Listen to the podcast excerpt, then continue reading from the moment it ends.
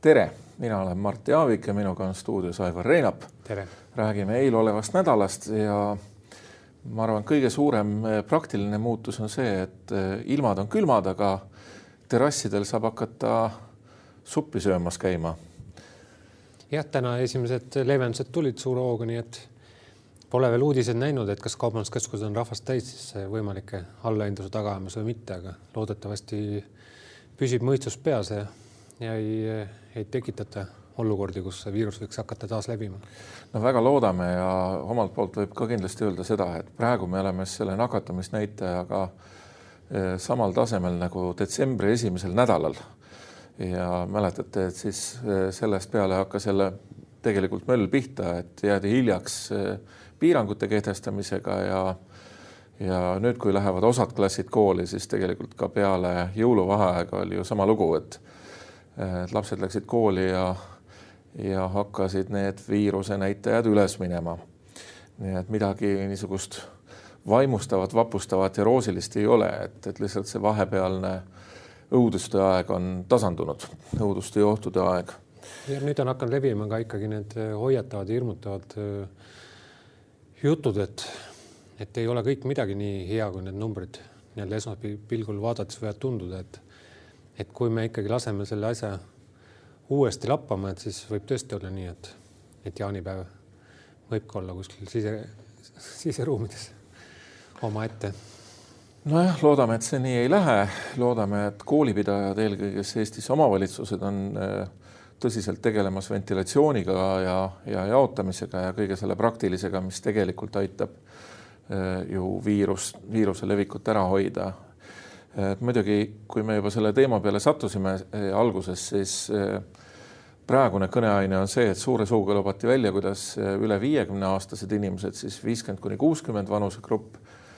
saab endale vaktsineerimisaegu kinni panna, aga sotsiaalmeedia on täis kurtmist, et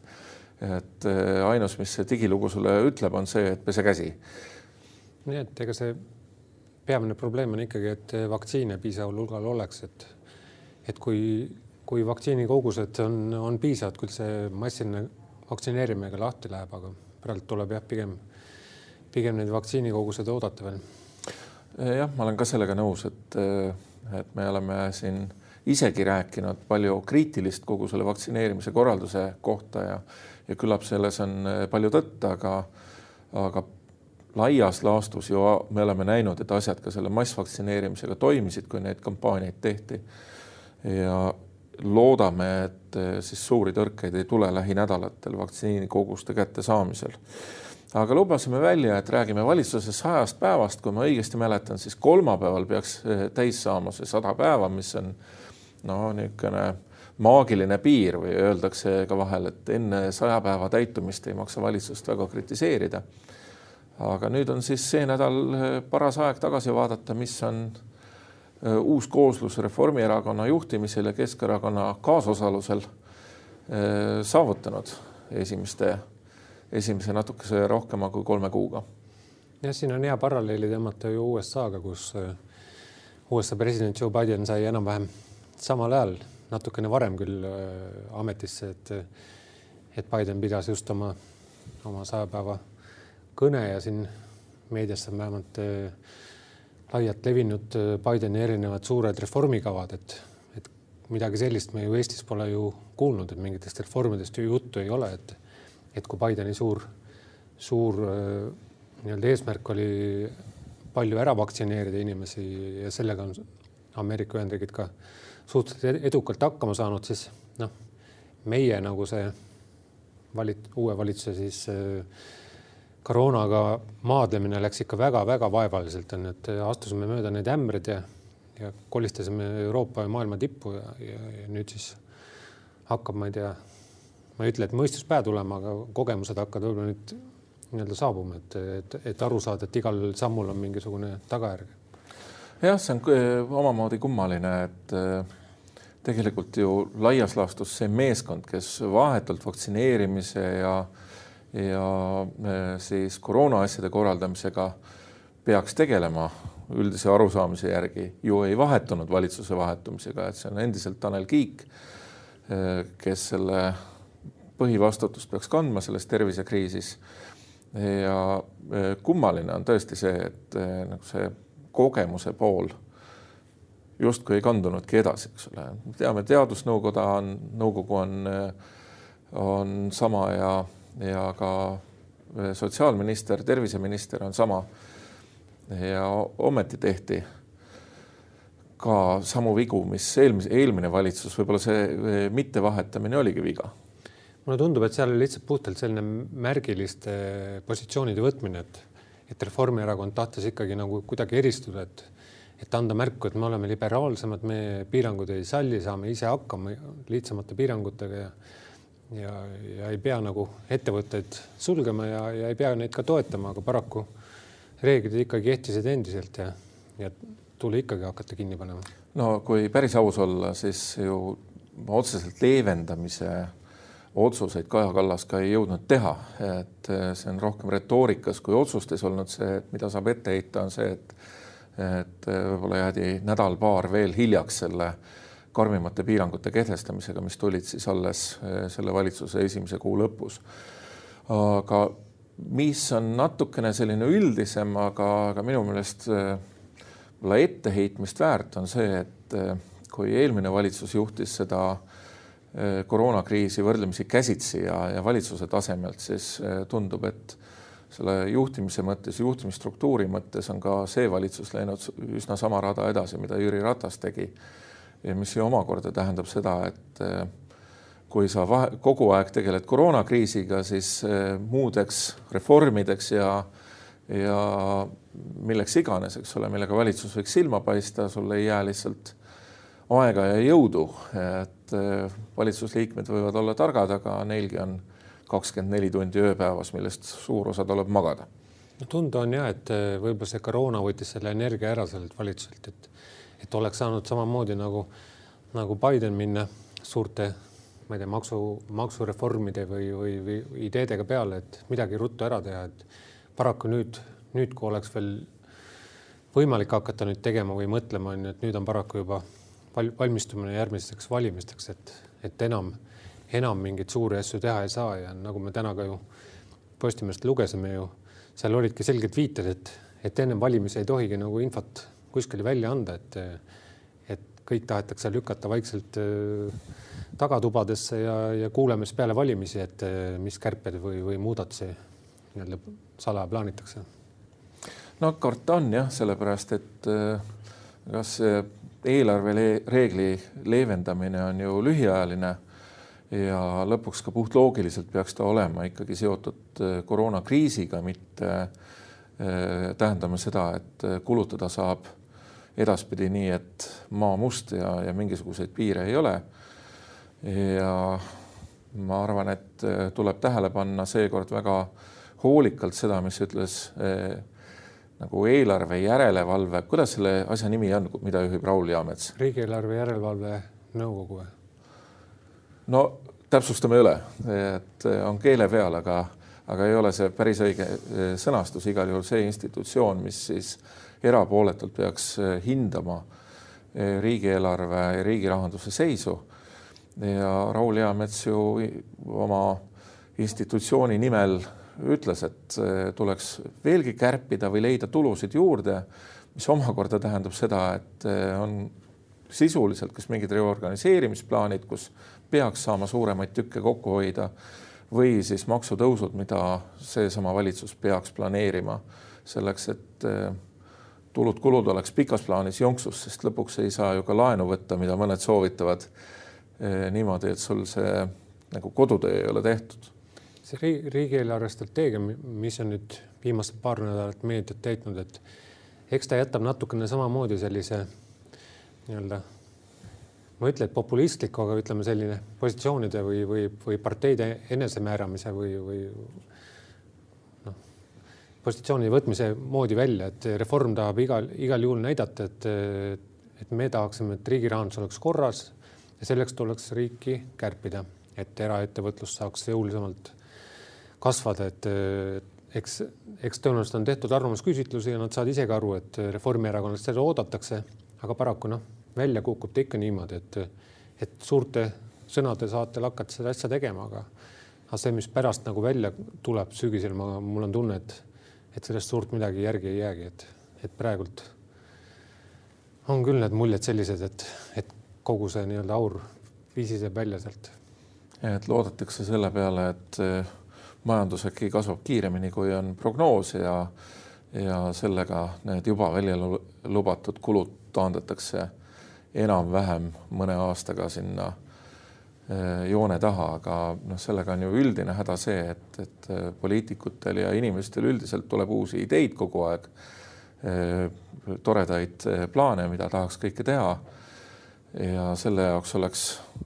vaja ressurssi kuskilt saada ja selle ressursi saamiseks tuleb ju midagi kuskilt kokku hoida, et. no valimisteel on see kõva sõnaga ju öeldud, et, et riigikaitsekulud peavad igal juhul tõusma, on ju, et muidu Venemaa on väga-väga ohtlik ja hirmutav partner on ju, et samas jälle räägitakse, et õpetajate palgad peavad kindlasti veel rohkem tõusma, et see kolm protsenti pole kuidagi piisav, on ju. juba siin kõlavad, et kuidas me nüüd teadusele raha ei anna, kui me räägime innovatsioonist, rohepöördest ja ja uuest majandusest, et eh, ka sinna peaks juurde andma ju, et, eh, et see protsent SKP-st võiks ka olla poolteist, et sisejulgeolekus me ei tohiks kindlasti ühtegi sammu tagasi astuda, et eh, et, et rohelised mehed, kes meil siin tänavatel ei tule või, või inimesed niisama surma ei saaks, ma ei tea, liiklus või, või, või mujal, et et nagu me aru saame, et või pensionid peavad kindlasti tõusma, pensionid on väga jäänud nagu ajale jalgu ja Keskerakond ju seda rõhutab igal hetkel, et et saaks, saaks juurde, nii et, et kokkuvõttes on raha igale poole vaja, aga, aga kust see nagu tulema hakkab, kui tuleb selline normaalne palgatõus ka veel riigisektoris peale, et no, ei, ei ole, ei ole arusaadav, ei ole arusaadav. Jah, noh, see tähendabki lõppkokkuvõttes seda maksutõusude survet, mis omakorda tähendab, nagu sa ütlesid, seda, et era, erasektor ja inimesed saavad siis natukene vähem tiibu sirutada ja ja lõpuks on ju nagu üldine vaade see, et et erasektor on see, mis loob kõige tõhusamalt väärtust, võtab riske, teeb uusi asju. ja kui sa väga karmid maksud selga laod, siis, siis kõik see elamine, õitsemine ja lehvitamine natukene väheneb, eks ole. aga tõmbame sellele teemale joone alla, ma ühe remargi siiski enne teeks, tuli meelde veel et eh, mida ma arvan, Postimees ka jälgib suure huviga, on see, et mida siis reaalselt eh, rohepöörde valdkonnas tegema hakatakse. Eh, valitsus saab laias laastus, kõige üldisemas mõttes valitsus ja amet, ametnikkond saab ju kaasa aidata sellele, et projektid, mis on plaanis, realiseeruksid. noh, siin eelmisel nädalal räägiti tuuleparkidest sissejuhatavalt midagi võib-olla on selle juures natukene rohkem siis lootust, kui on olnud varasematel aastatel nende, nende juttude juures, et, et seda kuidagi tahaks loota ja näha, et, et on palju selliseid kavalaid viise, kuidas valitsus suuremat raha kulutamata saab ettevõtjaid soodustada. aga mis sa ise nüüd selle valitsuse saja päeva kohta ütled, et kui hakata nüüd meenutama, on ju, et, et koroonaviirusega võitlus pigem rahuldav või ebarahuldav, noh, ütleme rahuldava hinde, hinde saab, on ju, et, et rahva vastu politsei saatmine no,. no ma jääb, ei nimetaks jääb, seda jääb, mingiks eriliseks rahva vastu politsei jääb, saatmiseks. jääb märgiliselt ikkagi see valitsuse algust ju saatma, on ju, et noh, mis veel meenub, et räägitakse küll, et RMK-le hakatakse nüüd päitsed pähe panema ja võib-olla dividendi vähem võtma, aga aga seal on ka nagu tänast lehest lugesime, on ka agad ja ehkud, et et kas ikka kas ikka on nii lihtne seda nii-öelda kärbima hakata, et, et need nafta pumpamise, mida Postimees on jälginud tasuta siin mingitel aladel, on ainult jutt, mingisugust suuri, suuri nagu samme pole, et kas midagi üldse on meelde jäänud, et, et hariduse poole pealt on ju noh, seesama huvihariduse kärpe, kärpejutt on ju, mis. see on, kuna sa selle juba teemaks tõid ja seda on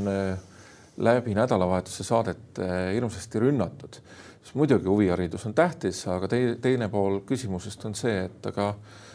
kui see loogiliselt kuulub koolipidajate ja omavalitsuste eh, tegelikult siis omavalitsuste maailma eh, huvihariduse toetamine, siis nõnda peaks ka olema, et kui aga me RES-i vaatasime, siis. miks see anti siis? kui me RES-i vaatasime, siis äh, omavalitsuste tulud ju kasvavad. ja kas see tulus ei antud ju selle, selle kulutuse katteks, vaid anti ju, ju koroona võitluseks ja investeeringuteks, mitte ju nii, et et kui sa oled ikkagi andnud ja nüüd ära võtad, siis see ikkagi jääb ju mulje, et, midagi jääb ju vähemaks. nojah, et kui sinna sisse vaadata, eks seal on, tuleb väga täpselt äh, vahet teha, et mis on siis eelmise RES-i unistused ja mis on see, mis on reaalselt kuskil olnud. et lõpuks ei saa ju oodata ka seda, et, et punkti pealt kõik realiseerub, mis on varasematesse riigieelarve strateegiatesse kirjutatud, et loomulikult on igal uuel valitsusel ja oma poliitiliste valikute tegemise õigus. mis veel meenub, on ju, et suure suuga nüüd lubate jälle palju erastada ettevõtted on ju, et aga midagi uut seal ei ole, on ju, et jälle räägitakse, et, et, et see Eesti Energia taastuvenergia üksus on ju, ei tule mitte see aasta, vaid võib-olla tuleb järgmine aasta on ju, siin räägitakse Eesti Postist ja ja veel nendest samadest ettevõtetest, kes aastad ja aastad käivad siin nimekirjadena läbi, et aga noh, mingit konkreetset samme ei ole, et on. jah, noh, kokkuvõttes võibki öelda, et eh, mingisuguseid väga julgeid, selgeid muudatusi esialgu sealt ei paista. aga eks me siin kutsume ka mingisugust mingisugust kokkuvõtet siis lähipäevade jooksul Postimehes teha, mis, mis on olnud ja läheme natukene spetsiifilisemaks. no üks teema, mis täna on kindlasti suure tähelepanu all, on see, et eh, kultuurikomisjonist siis tänase päeva jooksul peaks tulema otsus selle kohta, milliseid kultuuriobjekte hakatakse edaspidi Kultuurkapitali siis sellest hasartmänguraha, eh, hasartmängumaksu osast rahastama. Ja esimene indikatsioon on see, et, et ju siis on Estonia juurdeehitus ja Tartu Süku ehk südalinna kultuurikeskus või kuidas selle nimi iganes seal täpselt oli. see on nii kummaline, et, et kaks objekti, mille nii-öelda asukoha üle käivad sellised kirglikud vaidlused kohalikus omavalitsuses on ju, et nii Tartus pargialale kui, kui Estonias samamoodi siin pargialale ehitamine, et, et kummaline kokkusattumus, et teine asi, et et kui ikkagi meediapilti nagu jälgida, et et mul on ikkagi selline kahtlane tunne, et, et, ikkagi ülekaalus on, on sellise Estonia suure laiendamise vastased sinna Tammsaare pargi juurde, et, et tahaks ikkagi nüüd näha, et kuidas, kuidas see ikkagi noh, kui Riigikogu võtab ka selle otsuse vastu, et, et kuidas on võimalik see ikkagi ära suruda, et, et see ei ole veel ju lõpp, lõplik lahing. Mõnes mõttes ta ei ole jah, aga me tegelikult tahaks näha ka vastavaid sotsiaal, sotsioloogilisi küsitlusi selle kohta, et mida, mida siis rahvas arvab, mida publik arvab sellest Sükust ja ja Estonia laiendusest. Ja mul on sellised indikatsioonid, et et kes neid küsitlusi on teinud, siis pigem selline vaikiv enamus on näiteks Estonia laiendamise poolt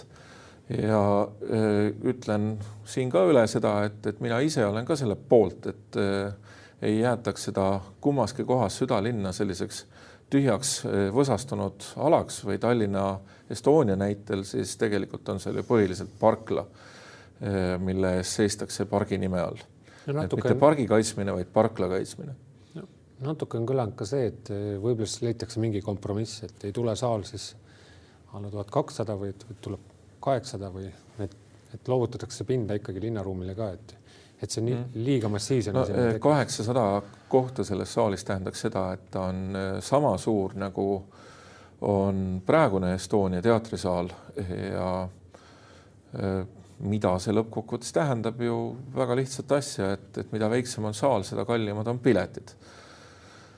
nii et äh, eks see jällegi mingisuguse piirangu nendele produktsioonidele seab, mida ja seal okay, teha saab ja mida äkki mitte. äkki on siis tuhat on ju, et siin on ju vaidluse kohti küll, et, et samas me ei saa ju seda ka üle paisutada, et muidu sa võid rääkida, et äkki kaks tuhat on veel parem kui tuhat kakssada nojah, eks, et, et see pooleteistkordne tõus võib-olla oleks äh, nii kõrvalt vaadates ära kasutatav tegelikult seal või, või ei ole päris ebarealistlik. aga eks siis näeme, mis eh, juhtuma hakkab. kas sul, Aivar, on veel mõni teema mõttes, mida sa väga tahaksid rääkida, mis kripeldab südamel? no väga ei ole, et eks see ilm ja koroona on kaks suurt küsimust on ju, et, et eks ilm on, segab siin kevadisi aiatöid ja, ja noh, mõnedes inimesi sunnib ka rohkem siseruumides olema, et, et loota on, et see ei tähenda, et nüüd inimesed peaksid sooja ilma otsima minema nüüd sinna kaubanduskeskustesse, et see oleks kõige suurem, suurem hirm, et kui sinna massid tekivad ja, ja viirus uuesti levima hakkab, et siis sealt võivad tulla uued piirangud, et. aa, see on ju täitsa tore teema, et Jüri Ratas poseeris meil siin palgiga nädalavahetusel, palgi ja mootorsaega jäljendas siis millist Arnold Schwarzeneggeri filmi. Madis selle konkreetse filmiga, aga nägin, et väga paljud, kaasa arvatud ka mina, tegid siis mingisuguseid paroodiapilte sellest Jüri Ratta pildist. ja tegelikult nüüd ikka suuremateks saetöödeks aeg on juba läbi, et, et leidsin ka oma hekist mitu linnupesa, mis on seal linnukesed eh, vapralt teinud viimaste nädalate jooksul ja varsti hakkavad sinna munema või mõned liigid võib-olla juba ongi seda teinud, nii et et tegelikult väga saega müristada ei aias ega võsas ega metsas praegu enam ei tasu. see Ratase, Ratase nii-öelda, mina ikkagi nimetaks seda nagu suureks kampaania alguseks on ju, et et puhas imagoloogiline selline vimkaga tehtud kampaania, mis oli arvestatud selle peale, et et lihtsalt see hakkab meedias levima, et, et see tundus nii jabur on ju, et ma olin ka maal, onju, ma tegin ka palju töid, onju, et aga ma ei pane ju igast eh, tööst enda pilti ülesse ja üteldes, et, et vaata, kui tubli ma olen, aga näed, ratasel olid spetsiaalsed fotograafid kaasas, ilusti disainitud pildid onju, et, et noh,